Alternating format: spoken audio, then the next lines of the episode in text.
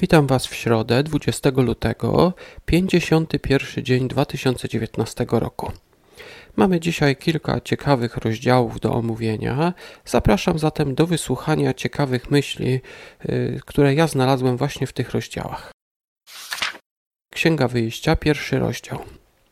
Yy, czytamy tutaj o rozroście potomków Izraela i o ich ucisku przez Egipcjan.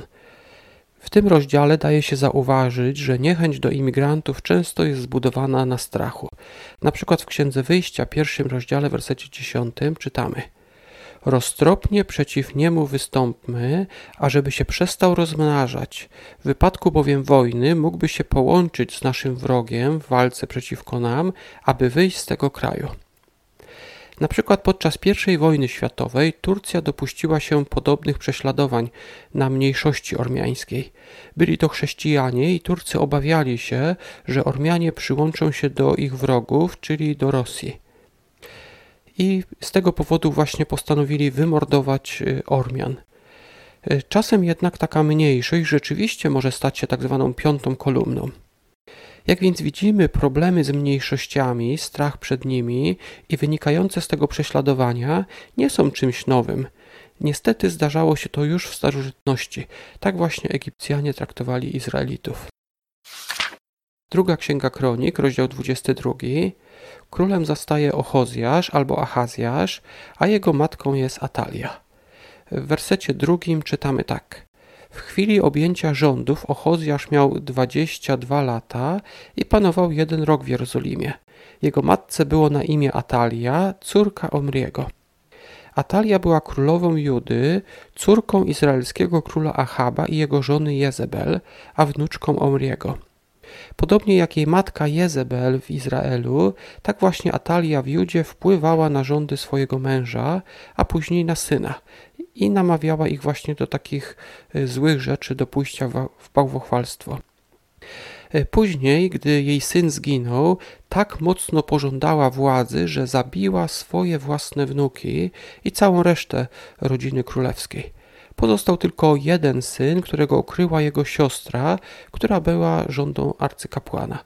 Ukryła go w świątyni. Zachariasza, rozdział drugi. Bóg obiecuje ochronę i karę na tych, którzy gnębili jego lud. W wersecie dwunastym, w innych przekładach będzie to werset ósmy, tutaj w tym rozdziale różnica jest aż czterech wersetów. W każdym bądź razie w tym miejscu, Zachariasza 2,12 albo 8, czytamy tak. Tak mówi Pan zastępów, przesławny do narodów, które was ograbiły. Kto was dotyka, dotyka źrenicy mojego oka. Oko jest tą częścią ciała, której nie pozwalamy dotknąć nikomu, a gdyby ktoś dotknął, to od razu reagujemy. I Bóg właśnie użył tego porównania, aby powiedzieć nam, jak się czuje, kiedy ktoś robi coś jego sługom. Psalm 51. Modlitwa Dawida po grzechu z Batrzebą i po skarceniu, który otrzymał od proroka Natana. Ten rozdział to jest bardzo dobry przykład na to, że czasami dosłowne tłumaczenie nie oddaje poprawnie treści Pisma Świętego. Przykładem jest werset szósty, w innych przekładach będzie to werset czwarty. Tylko przeciwko Tobie zgrzeszyłem i uczyniłem, co złe jest przed Tobą, tak że się okazujesz sprawiedliwym w swym wyroku i prawym w swym sądzie. Dawid oczywiście zgrzeszył przeciwko Bogu, przestępując jego prawo, ale zgrzeszył też przeciwko Uriaszowi, czyli mężowi Batrzeby. Nie tylko on uwiódł żonę Uriasza, ale potem doprowadził do śmierci. Kazał wysłać Uriasza specjalnie w takie miejsce, gdzie mógłby zginąć, i potem kazał się żołnierzom cofnąć. Tak więc w pewnym sensie rękami wrogów zabił Uriasza. E, dlaczego więc w tym wersecie jest powiedziane, że Dawid zgrzeszył tylko przeciwko Bogu? Czytamy tam: Tylko przeciw Tobie zgrzeszyłem. Jest to dobre tłumaczenie, bo w tym miejscu rzeczywiście w oryginale hebrajskim jest słowo tylko.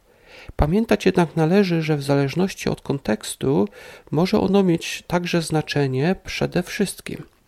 I wtedy ten werset miałby chyba większy sens, gdyby było tam napisane tak: Przede wszystkim przeciwko Tobie zgrzeszyłem. Tak więc Dawid w tym miejscu mówi, że on zgrzeszył przeciwko Bogu przede wszystkim, ale oczywiście zgrzeszył także przeciwko Uriaszowi, więc raczej nie powinno tam być słowa tylko, chociaż ono występuje w oryginale. A jakiej ofiary Bóg oczekuje od takiego skruszonego grzesznika? Mówi o tym werset 19, w innych przekładach 17. Moją ofiarą, Boże, duch skruszony. Nie gardzisz, Boże, sercem pokornym i skruszonym. Bóg nie przyjmował wtedy ofiar ze zwierząt od kogoś, kto nie był naprawdę skruszony. W dzisiejszych czasach na nic się nie zdadzą nawet ogromne sumy, jakieś wielkie sumy, które ktoś daje w postaci datków na obiekty religijne, y, po to właśnie, żeby niejako zakryć swoje grzechy.